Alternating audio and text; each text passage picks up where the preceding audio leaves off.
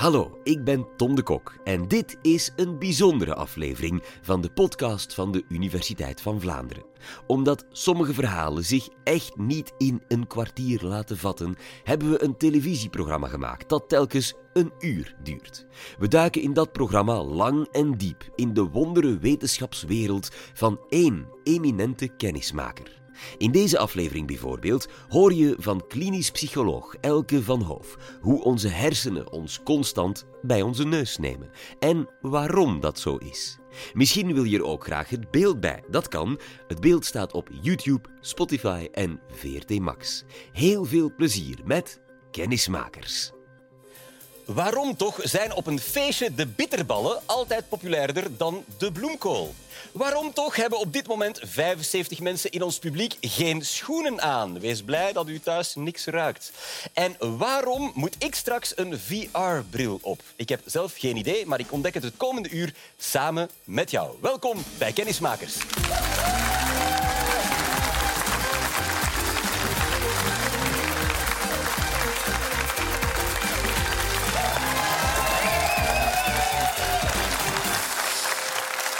Dank u, dank u. En ook welkom aan iedereen hier in de studio. Dank je wel. Ook vandaag heb ik een briljante kennismaker uitgenodigd. Klinisch psychologe Elke van Hoof. Elke is professor aan de Vrije Universiteit Brussel en doet onderzoek naar stress en burn-out. Met andere woorden, ze weet als geen ander hoe we de beste zen-versie van onszelf kunnen zijn. Tijdens de pandemie heeft ze ook advies gegeven aan de overheid over de impact van al die lockdowns op jou en mij, op ons mentaal welzijn. En ze heeft beloofd om ook vanavond een beetje over ons mentaal welzijn te waken. Dus geef haar een ongelooflijk mind-blowing applaus. Hier is Elke van Hoof.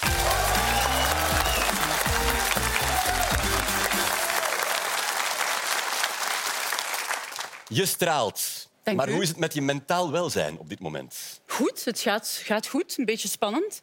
Maar een gezonde spanning, want ik vind het heerlijk om kennis bij de mensen te brengen.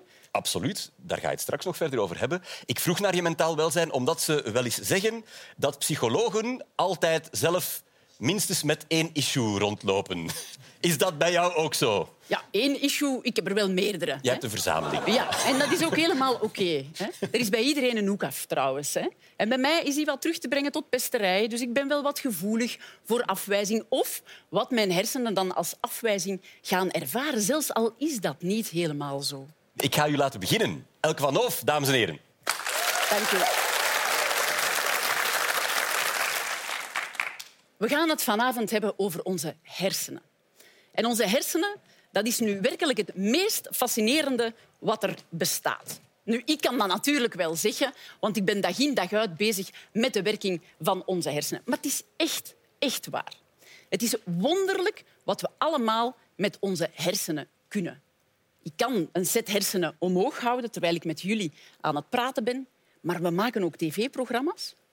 We bouwen ook steden. En we kunnen gewoon met een kopje hete koffie de trap oplopen. Alles wat we maken en produceren komt eigenlijk uit onze hersenen. En onze hersenen zorgen niet alleen voor kunnen, maar ook voor voelen. Liefhebben, verliefd zijn, het wordt allemaal aangestuurd met die blubber van anderhalve kilo. Want dat, dat is een mannenbrein, anderhalve kilo. Vrouwenbrein, 1,3 kilo.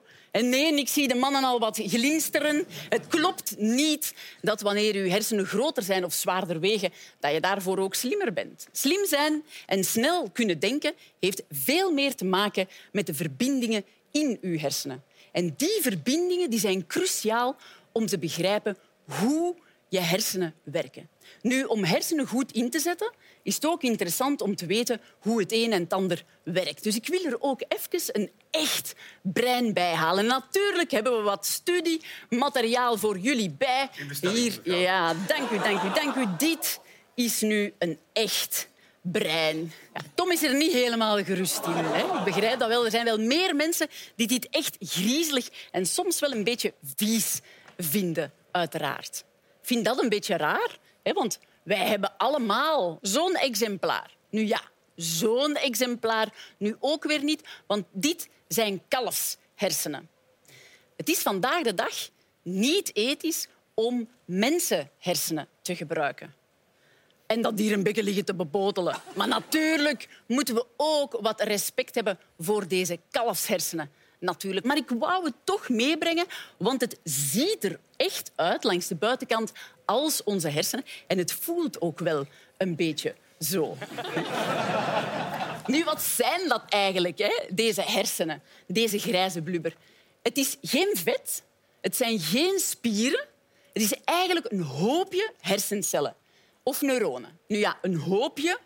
Als we het hebben over een mensenbrein, dan hebben we het over 86 miljard cellen. Dat is natuurlijk fenomenaal veel. Nu, ja, Tom, ik ga u laten weggaan. Dank u wel. Ja, ik zal ze uh, gaan bakken. Voor onze fantastische assistenten van de avond. Onze hersenen die hangen dus niet vast aan ons lichaam zoals mijn arm hier vasthangt. Die liggen eigenlijk gewoon los in uw schedel.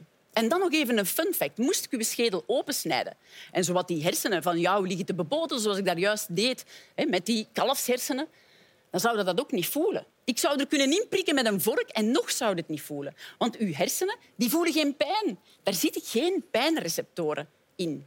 Nu, één hersencel, daar kunnen we weinig mee. Maar 86 miljard hersencellen, dat is natuurlijk wel iets helemaal anders. Elke hersencel eindigt in vertakkingen, zenuwvezels. En per hersencel hebben we tienduizenden van die zenuwvezels. En hoe microscopisch klein zo'n hersencel wel is, die zenuwvezels die kunnen wel tot een meter lang worden. En dat geeft natuurlijk een indrukwekkend netwerk waar elk hersencel gekoppeld wordt aan tienduizenden andere hersencellen. En zo bouwt er zich een fascinerend labyrint op waarbij miljoenen, miljarden elektrische stroompjes signalen heen en weer gaan. Op elk moment van de dag. Ook nu in jullie brein. En die vonkjes van die miljarden cellen die bepalen wat jij kan. Hoe jij je voelt, wat jij wilt, wat jij fijn vindt. Kortom, alles wat je maakt tot wie jij bent. Nu even heel eenvoudig uitgelegd. Uw zintuigen registreren van alles. Bijvoorbeeld uw ogen zien voor uw neus zo wat witte, bruine, rozige puntjes, wat in de vorm van een cirkel. En daaronder zit dan een driehoekige bruine vlek. Die informatie gaat naar uw hersenen en die wordt daar vertaald in een ijsje met een bol, vanilleijs, chocoladeijs en aardbeienijs. Waarom weten dat? Omdat je als baby of peuter hebt geleerd dat zo een driehoekje, een bruin driehoekje met wat bollen op, dat dat een ijsje is. En stel dat je dan al een keer aardbeienijs hebt gegeten of vanillecrème of chocoladeijs en je vindt dat lekker, ja, dan begint er een signaal te komen naar je mond waar je speekselklieren beginnen actief te worden en je gaat wat beginnen watertanden. En tegelijkertijd krijg je dan ook een signaal van je hersenen naar je hand, want ja, je wilt natuurlijk dat cremmetje pakken.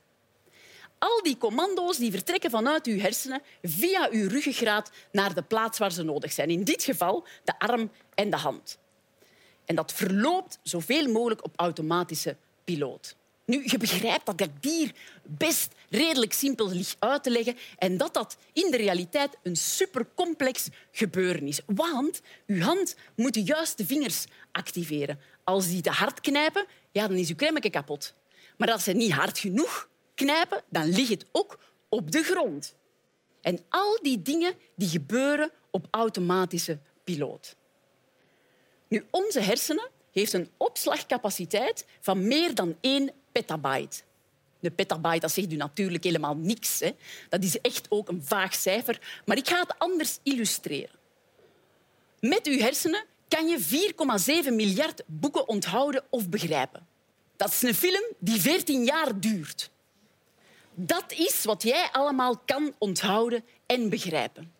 Bijna 5 miljard boeken, alle films die je vindt op de wereld. En er zijn ook wel wat wetenschappers die zeggen dat alles wat we vandaag vinden op het internet, dat we dat in theorie zouden kunnen onthouden. Dan is natuurlijk de vraag van 1 miljoen, als we zoveel kunnen onthouden, waarom doen we dat dan niet? Doen we dan allemaal een beetje te weinig moeite? Als we zoveel capaciteit hebben, waarom zijn we dan niet allemaal supergenieën? En waarom, als ons brein zoveel kan, helpt die ons niet om beter onze emoties onder controle te houden? Waardoor wij altijd beheerst zijn, interessant en ook aangenaam in de omgang, zonder irrationele angsten zoals hoogtevrees? Het korte antwoord op die vraag dat is omdat onze hersenen die laten ons dingen doen die we eigenlijk niet willen, maar we beseffen dat niet zo goed. En dus hebben we gewoon hoogtevrees. En dus kunnen we al die boeken niet onthouden. En dus ja, ondanks alle goede intenties gaan we ook altijd te laat slapen. En dat maakt van ons gewoon mensen en geen supermensen. En dat is natuurlijk helemaal oké. Dus de keuze om het ijsje te pakken en eraan te likken, is dat een bewuste keuze? Soms wel, maar soms ook niet. Hè? Want het gebeurt eigenlijk zo goed als op automatische piloot. Tom, ja, hè? nu mogen we er verder aan likken. Hè? Dank u. Geniet ervan. Nu, kijk eens even mee naar het volgende experiment. Toen jullie aankwamen in de foyer, lieten we jullie wachten. Natuurlijk hebben we jullie een hapje en een drankje aangeboden. Er stonden gezonde snacks. U ziet de tomaat, de bloemkoolroosjes en de witloof. Maar er waren ook gefrituurde hapjes. Welk van die hapjes, denk je, waren nu het populairst? Natuurlijk is er een meneer die kiest resoluut voor de gezonde snack. Maar de frituurhapjes moeten niet onderdoen. Dat tikt hier aardig weg. En tegen het einde dat jullie de foyer moesten verlaten, waren de frituurhapjes allemaal op, maar hadden we nog wel voldoende voor de vegetariërs onder ons. Hoe zou dat nu komen? Leken die frituurhapjes er nu echt zoveel smakelijker uit te zien dan die groenten? Of weten jullie niet dat groenten gezonder zijn? Of hebben we gewoon te weinig vegetariërs uitgenodigd? Of meer nog, hebben ze hier de Belgische frituurclub neergezet? Of is er dan toch iets meer aan de hand? Om dat te begrijpen, moeten we dan toch weer eens even in die hersenen duiken. Ik had al gezegd dat we heel wat doen op automatische piloot, maar gelukkig nemen we ook af en toe wat bewuste beslissingen. Nu, om te begrijpen of iets een bewuste keuze is of niet, moeten we ook weten dat onze hersenen grosso modo uit twee grote delen bestaat. Het oerbrein, tussen uw twee oren, en dan ons mensenbrein, daarbovenop. Ons oerbrein dat is onze survival mode. Dat gaat ook werkelijk ons leven beheersen als het snel en instinctief moet gaan. Dat oerbrein regelt ook alles wat te maken heeft met onze emoties en onze gevoelens. En ja, het is ook daar dat die automatische piloot zit. Het mensenbrein dat komt in actie wanneer we wel overwogen dingen willen doen. Gebruiken we ons gezond verstand, dan gebruiken we ons mensenbrein. Nu, laat ons met deze inzichten eens teruggaan naar dat experiment en wat in de diepte kijken wat er daar nu eigenlijk gebeurd is. Want natuurlijk weten jullie allemaal dat groenten de gezonde snack zijn. En dus dat zou er moeten toe leiden dat uw mensenbrein, uw gezond verstand, jullie massaal naar de tomaat en de bloemkoolroosjes zouden moeten gestuurd hebben. Dus waarom de bitterbal? Zijn de mensen die die frituurhapjes hebben genomen, hebben die daar dan allemaal bewust over nagedacht? Sommigen dus wel, hè? maar de meerderheid van jullie eigenlijk niet. Je neemt die bitterbal zonder daarbij na te denken. Of misschien de eerste nog bewust omdat je een hongertje voelt. Maar die een tweede bitterbal. En die een derde bitterbal. En die vierde bitterbal. Dat is nu toch echt zonder erbij na te denken. En de oorzaak daarvan, dat zit in uw oerbrein. Ik had al gezegd dat uw oerbrein snel en instinctief werkt. En voor oermensen was vet en suiker natuurlijk een zeer goed idee. Want voordat er frigo's waren en winkels, dan hing uw volle maag af van het aantal bessen dat je kon vinden op een struik of het vlees dat je schoot tijdens de jacht. En dus als je al eens een boom tegenkwam vol noten, was het dus een zeer goed idee om daar ineens heel veel van te eten. Want ja, wie weet, vind jij de week daarop helemaal geen noten of bessen meer laat staan, dat je nog een konijn, een hert of een mammoet kunt schieten. We hebben dus een systeem in onze hersenen dat zegt vet en suiker zijn goed. En als je dan niet iets wat tegen die automatische piloot ingaat, dan zijn dus constant vet en suiker aan het eten. Gewoon omdat uw oerbrein heeft beslist dat dat goed is voor u. Bovendien zijn we zelfs zo geprogrammeerd dat we gelukshormonen vrijgeven elke keer wanneer we calorierijk eten. En dat zorgt er natuurlijk voor dat wanneer we de volgende keer calorierijke voedsel tegenkomen, dat we daar nog meer van gaan eten. Opnieuw, allemaal perfect voor een oerbrein dat nog functioneert zoals honderdduizenden jaren geleden. Bovendien is dat ook een hele goede strategie om veel bitterballen te eten. Als je de komende dagen niks meer van eten gaat krijgen. Het oerbrein heeft er zo voor gezorgd dat wij als soort hebben overleefd en bovendien bijzonder succesvol zijn geworden. Nu, waar uw oerbrein geen rekening mee houdt, is dat de wereld ondertussen wel wat veranderd is. Dat we ijsjes vinden op elke hoek van de straat en dat uw frigo misschien wel vol zit met aardbeienijs. Dat de mensheid naast het wiel ook de bitterballen heeft uitgevonden.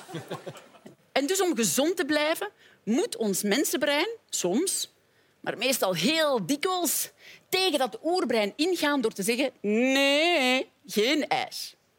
En dan kent iedereen de volgende situatie wel.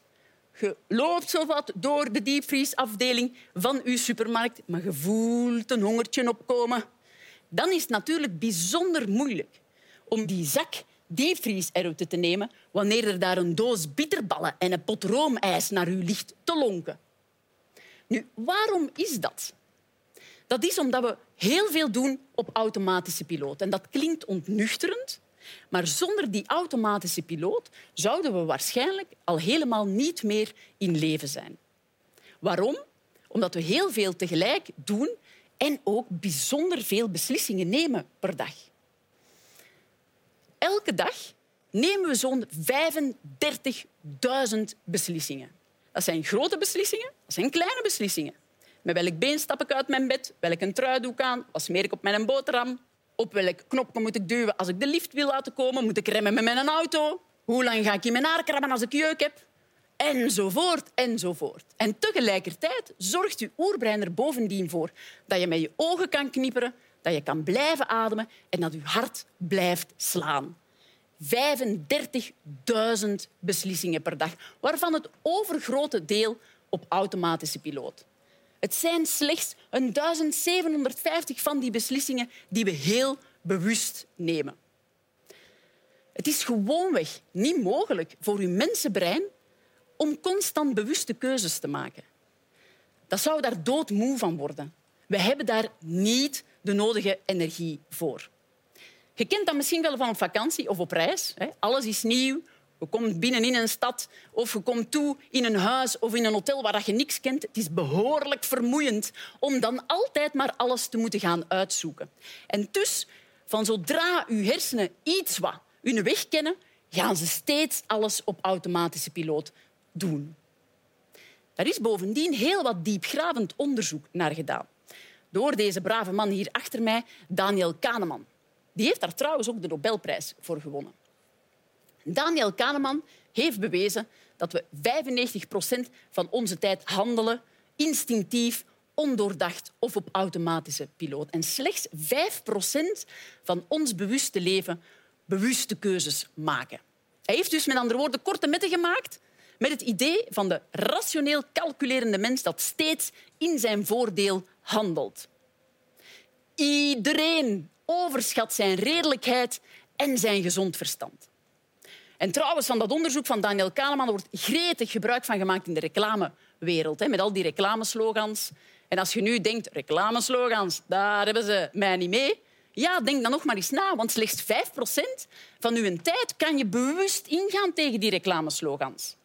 En dat kan misschien ook verklaren dat op het einde van uw rit uw winkelkarken vol zit met grief waarvan je achteraf denkt waarom heb ik dat hier meegenomen?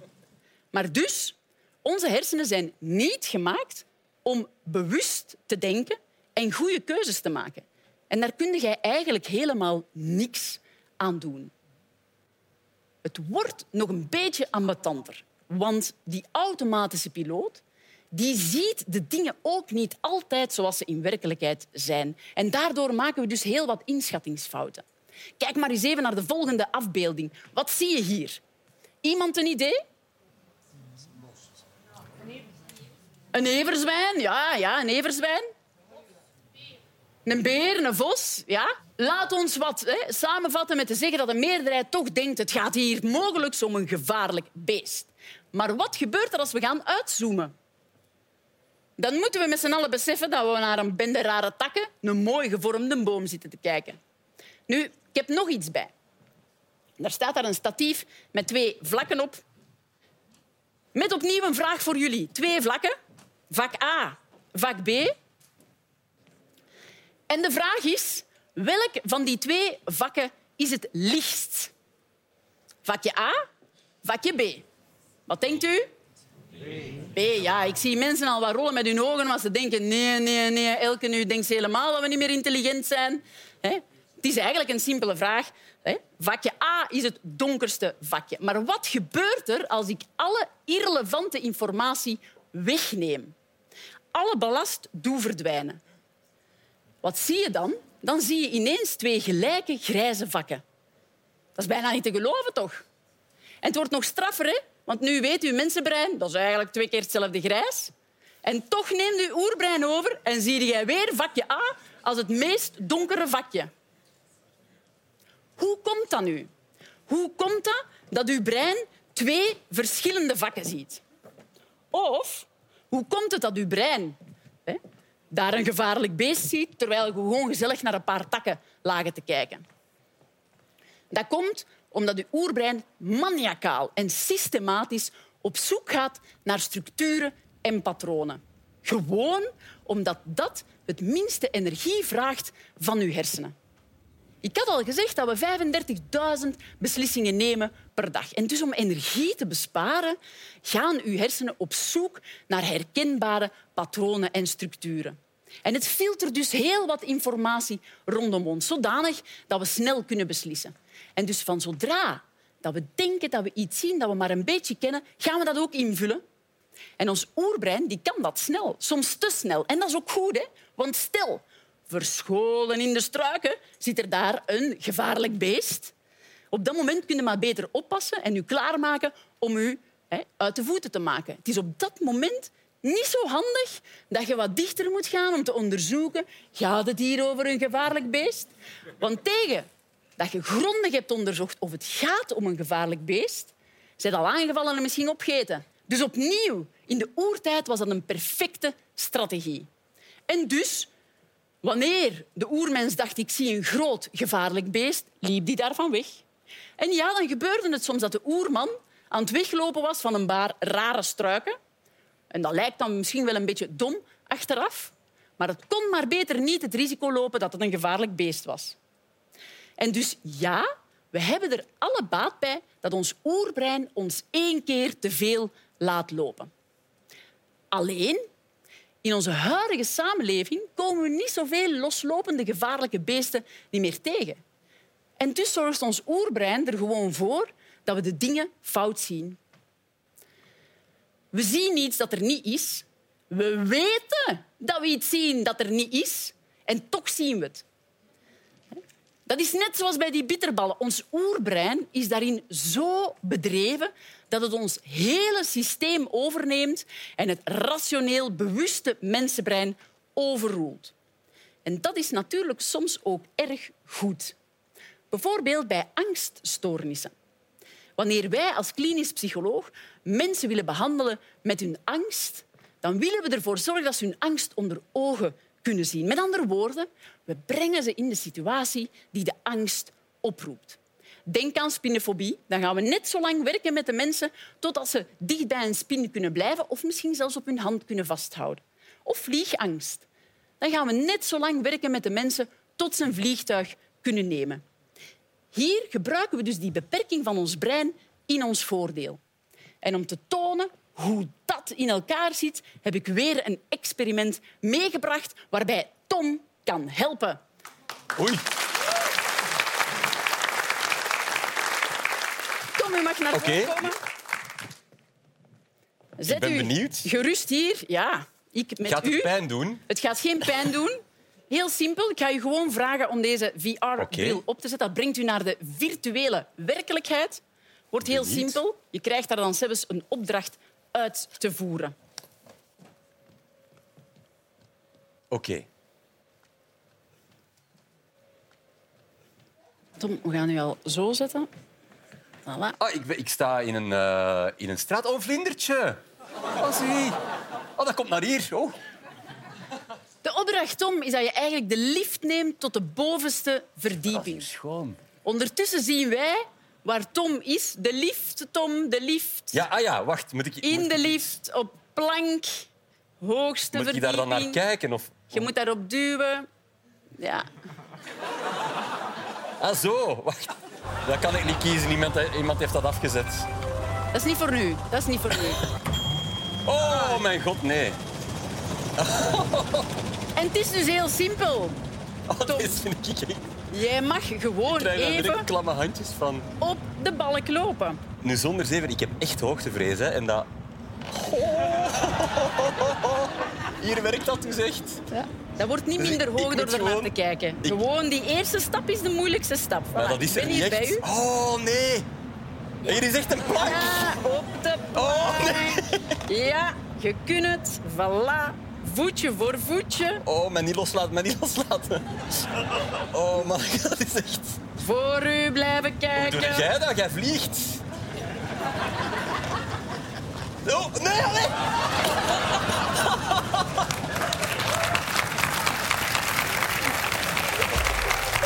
Burn en crash. Je mag hem afzetten, toch?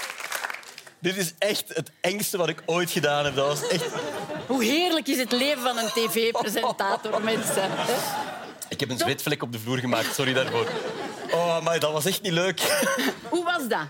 Wat Echt, gaf dat? dit was Uw echt, hoogtevrees? Ja, want vooral duidelijkheid, ik wist dus echt niet dat dit ging gebeuren. Ik wist dat er een VR-bril was. En ik heb echt heel erg hoogtevrees. Zo ook in een skilift bijvoorbeeld of zo. En En toch wist je dat je je naast hele mij stond. lijf schreeuwt. Zeker als je mij eraf duwde. Oh, dat is... Amai, oh, ik ga daarvan dromen vannacht.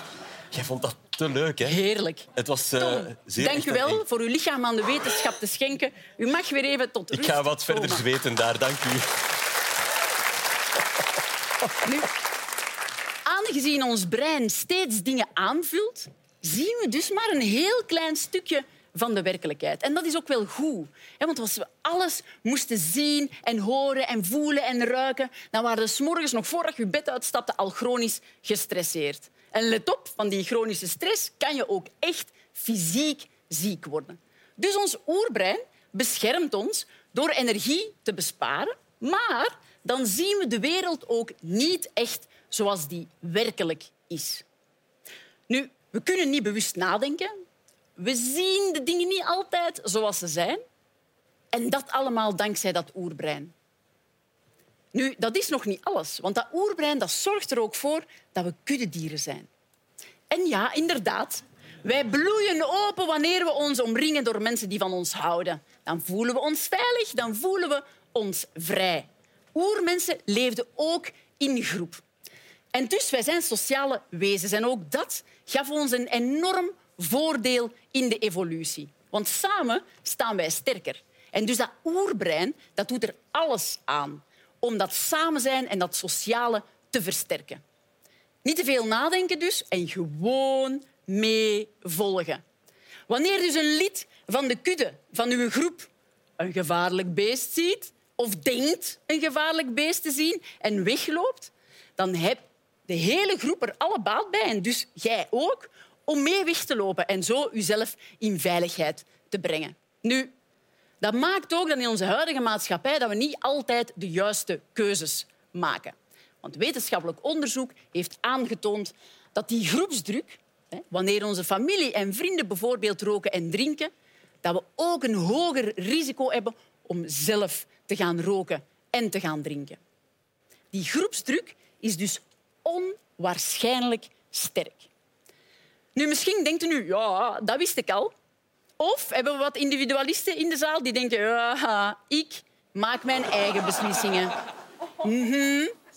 Kijk dan maar eens even mee naar het volgende experiment dat we met jullie deden met verborgen camera's. Wanneer jullie van de foyer naar de zaal kwamen, hebben jullie ingedeeld in twee groepen. Groep 1 kwam langs de kast. Daarop stond schoenen. Ze keken soms een beetje verdwaasd, maar liepen gewoon gezellig door naar de plek in de zaal waar ze moesten zijn. Daarna hebben we wat schoenen in de kast gezet en twee bevallige acteurs gevraagd om alvast wat schoenen uit te doen. En wat gebeurt er dan wanneer groep 2 de zaal binnenkomt? Netjes gaan zij zitten, beginnen ze ook hun schoenen uit te doen. Ze kijken wel een beetje raar. Hè? Er zegt daar iemand... Maar ze gaan toch heel erg gezellig neerzitten en de schoenen uitdoen en netjes in de kast plaatsen. U ziet, er ontstaat zelfs een wachtrij. Zodanig dat iedereen volgens de regels verder naar zijn plek kan gaan. Wie heeft hier dus allemaal de schoenen uit? Je begint hier zo al een beetje te rieken. Waar zijn die voetjes? De andere mensen. Hè? Je moet u niet verslikken in uw slappe lach. Want onderzoek heeft aangetoond dat wanneer we jullie in die situatie zouden brengen, dat jullie ook door de knieën zouden gaan. Nu, hoe komt dat nu? Waarom doe jij je schoenen uit als daar objectief geen reden voor is? De kudde beïnvloedt onze beslissingen dus grondig. Hè? Het gaat ons denkproces uitschakelen en je laat u als makkelammetjes op sleeptouw nemen. Want je denkt, de persoon voor mij die doet zijn schoenen uit. Die moet daar dus een goede reden voor hebben om dat te doen. En dus gaan we dat ook doen. Hoe onlogisch dat u dat ook lijkt, je begint gewoon gezellig je schoenen uit te doen. Evolutionair gaf ons dat ook een enorm voordeel. Want zo bespaarde jij energie voor belangrijkere dingen. De kudde bepaalt in uw plek en ondertussen moet jij je hoofd daar niet over breken. Maar er is ook een probleem met dat kuddegevoel. Want je doet op dat moment zelf dingen die de kudde bepaalt of de groep bepaalt, zonder dat hij daar zelf bij nadenkt. En het is pas achteraf dat je dan merkt dat het misschien niet de beste keuze was. En dat kan mee verklaren waarom brave mensen tijdens een betoging of een voetbalmatch zich zo laten meeslepen in het wij tegen de wereld verhaal en beginnen te schelden op de scheidsrechter of beginnen te roepen tegen politiemensen, parkeerborden kapot maken en zelfs auto's in brand steken. En het is dan pas achteraf dat ook zij ervaren dat ze zich helemaal hebben laten meeslepen door die kuddegeest. We zien dat ook als psychologen. Als we mensen behandelen en we gaan hun confronteren met hun wangedrag, we tonen hun dat, dan gaan ze ook echt aangeven dat ze zichzelf helemaal niet herkennen. Dat ze het gevoel dat ze toen hadden, dat dat helemaal anders was dat er een bijzonder vijandige sfeer heerste, waardoor ze niet anders konden dan defensief te ageren. Het probleem is dus dat het erg moeilijk is om tegen die groepsdruk in te gaan. En als het dan gaat over een paar schoenen, hè, dan valt dat eigenlijk allemaal nog wel mee. Maar als we het hebben over geweld, ja, dat is natuurlijk iets anders. Nu even recapituleren. Ik heb al gezegd dat het oerbrein ervoor zorgt dat we onbewuste keuzes maken dat we de dingen niet altijd zien zoals ze zijn en dat we kuddedieren zijn. Maar nog is het niet gedaan. Ons oerbrein doet nog iets. In situaties van overleven zorgt het oerbrein ervoor dat je zelfs niet meer rationeel kan nadenken. Denk aan Tom met zijn VR, daar juist. We hadden al gezegd, dat oerbrein dat neemt dat mensenbrein helemaal over. Maar er is ook nog meer aan de hand. Want op dat moment ervaart uw brein ook echt stress. En ook dat komt door dat oerbrein. En om dat uit te leggen heb ik jullie hulp nodig.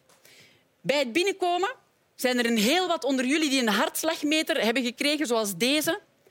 U kan die aanklikken door dat even open en toe te doen. Dan beginnen er kleurtjes te komen. Mag dat al zeker aan uw vinger hangen.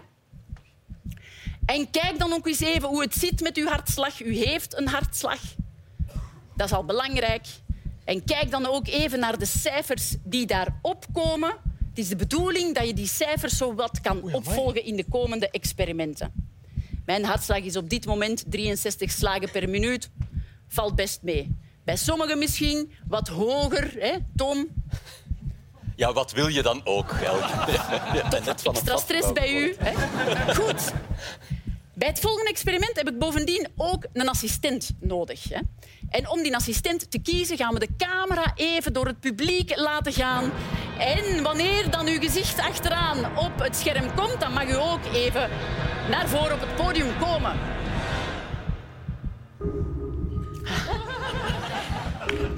Hoe zit dat met jouw hartslag, mevrouw? Is die omhoog? Wat hoger dan daarnet? U voelde uw hart ook bonzen, hè? Ja, ik zag het. Het is nog altijd bezig. Ja. Rustig, rustig. Bijzonder spannend. Mevrouw, het 140. moment is voorbij. U mag ook gewoon blijven zitten. Ik wou eigenlijk gewoon weten hoe dat, dat voelde. Hè.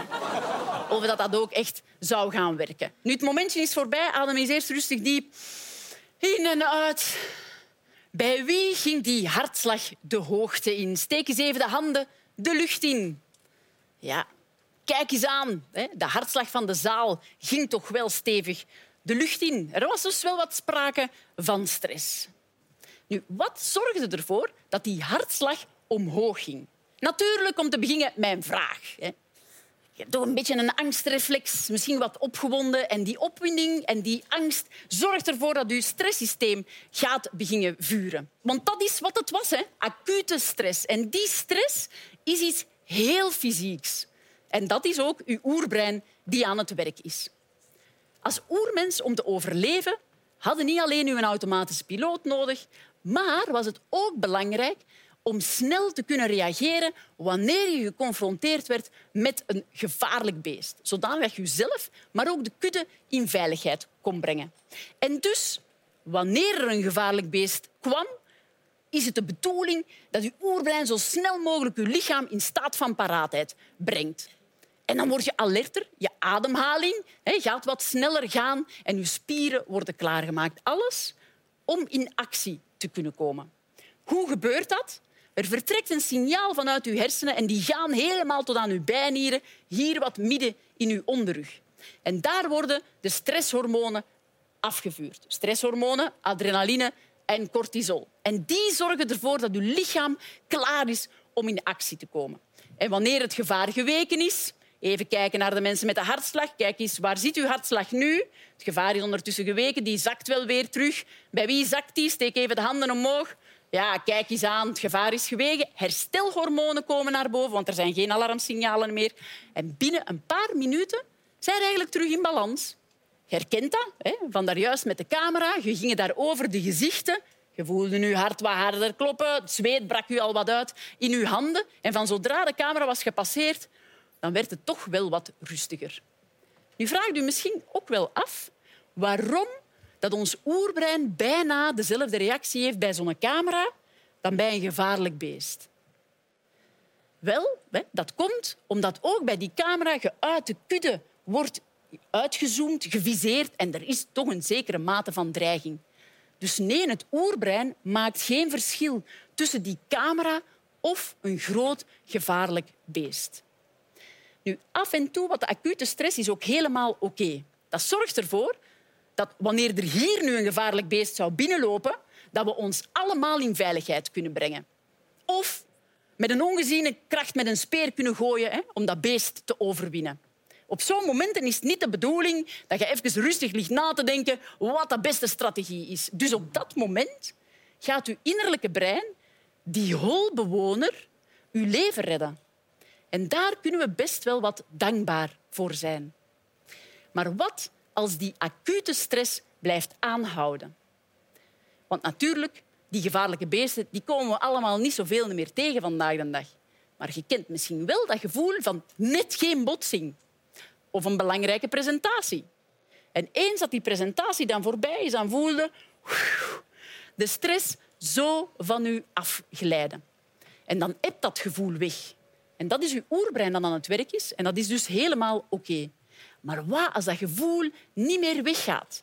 Wat als die acute stress blijft aanhouden? Omdat je te veel werk hebt, omdat je misschien een moeilijke relatie hebt, omdat je het misschien moeilijk hebt om financieel de eindjes aan elkaar te knopen. Of voor anderen misschien veel herkenbaarder, die oneindige stroom van mailberichten, WhatsApp-berichten, Facebook-likes of dislikes. Want ook die meldingen vragen aandacht. En ook daar gaat uw stresssysteem op vuren. Want ook hier zal uw oerbrein geen onderscheid maken. Een prikkel is een prikkel. En wanneer dat je dus te veel van die stresspieken hebt, te veel van die notificaties krijgt, dan heeft uw lichaam niet meer de tijd om in balans te komen. En dan ontwikkelt er zich chronische stress. En chronische stress dat is een probleem. Een groot probleem. Want het brengt u totaal uit balans. Bovendien gaat die chronische stress de structuur van uw hersenen beïnvloeden, maar ook de manier waarop die hersenen werken. Uw oerbrein gaat constant geactiveerd worden, waardoor uw mensenbrein minder macht heeft. Want uw oerbrein neemt de hele tijd de boel over.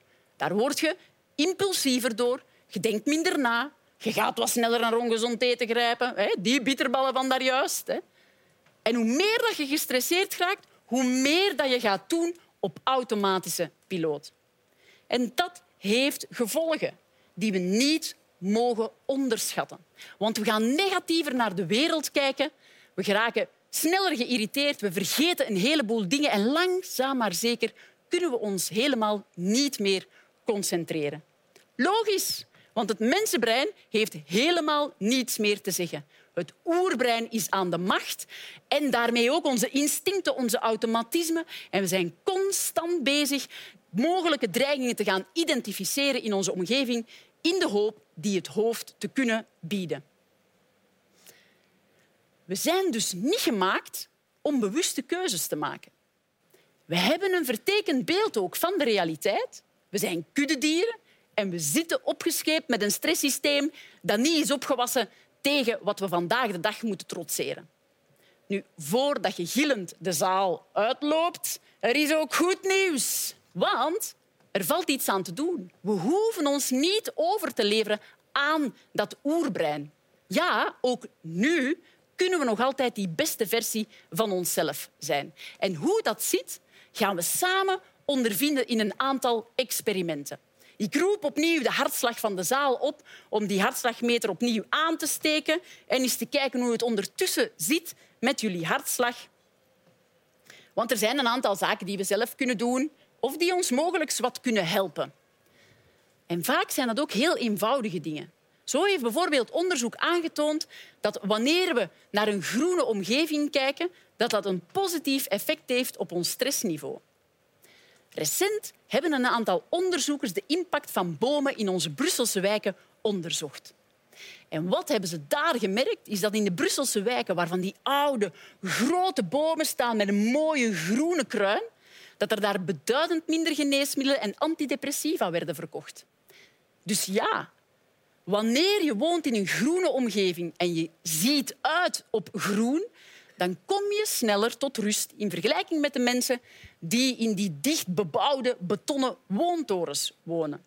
Ik ga met jullie een experiment doen. We gaan de studio even omtoveren in een groene oase en dan kijken of we daarmee ook de hartslag kunnen beïnvloeden.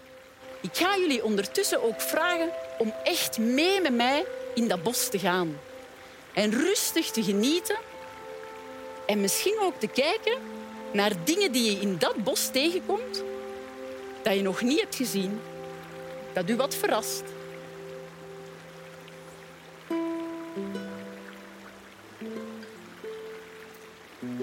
En ondertussen kijk ik ook even naar de mensen met de hartslag. Wat gebeurt er dan met uw hartslag? Ja, die gaat dan toch daar wel wat naar beneden, zie ik. Bij anderen ook. Bij wie gaat die naar beneden? Dat wil dus zeggen dat de suggestie van de natuur eigenlijk al goed is. En op dit moment bedotten wij met ons mensenbrein dat oerbrein. Dus als je thuis vooral uitkijkt om beton en gebouwen, dan is het dus een goed idee om af en toe wat natuurgeluiden in uw muzieklijst te zetten. Of op regelmatige basis een keer wat rustgevende beelden te bekijken van grote, open, groene vlakten. Het volgende klinkt misschien een beetje zweverig, maar denken aan positieve dingen helpt ook. Het activeert onze frontale gebieden, waardoor we meer perspectief krijgen. We gaan als het ware uit die tunnelvisie van dat oerbrein uitgetrokken worden. We worden terug nieuwsgierig en vanuit die nieuwsgierigheid gaan we nieuwe horizonten ontdekken en misschien ook wat nieuwe hobby's uitoefenen. En doordat we nieuwe horizonten gaan ontdekken en nieuwe dingen gaan uitproberen, gaan er zich ook nieuwe netwerken ontwikkelen in onze hersenen, waardoor we weer beter gewapend zijn tegen de stress van morgen. Zullen we dat ook eens testen? Ik ga jullie vragen om allemaal even de ogen te sluiten en dan te denken aan je laatste vakantieervaring. Mag ook een leuk moment zijn met vrienden of familie. Je laatste reismomenten. En laat die momenten eens als een video terug voor je ogen ontvouwen. Wat was er nu zo heel fijn aan dat moment? Ik zie jullie allemaal genieten. Is niet alleen uw hartslag die wordt beïnvloed, maar de rust neemt nu uw lichaam over. Dus tijd nemen voor wat positieve gedachten is ook een heel goed idee. En ik heb nog een tip. Ene die ik daar juist al heb gebruikt.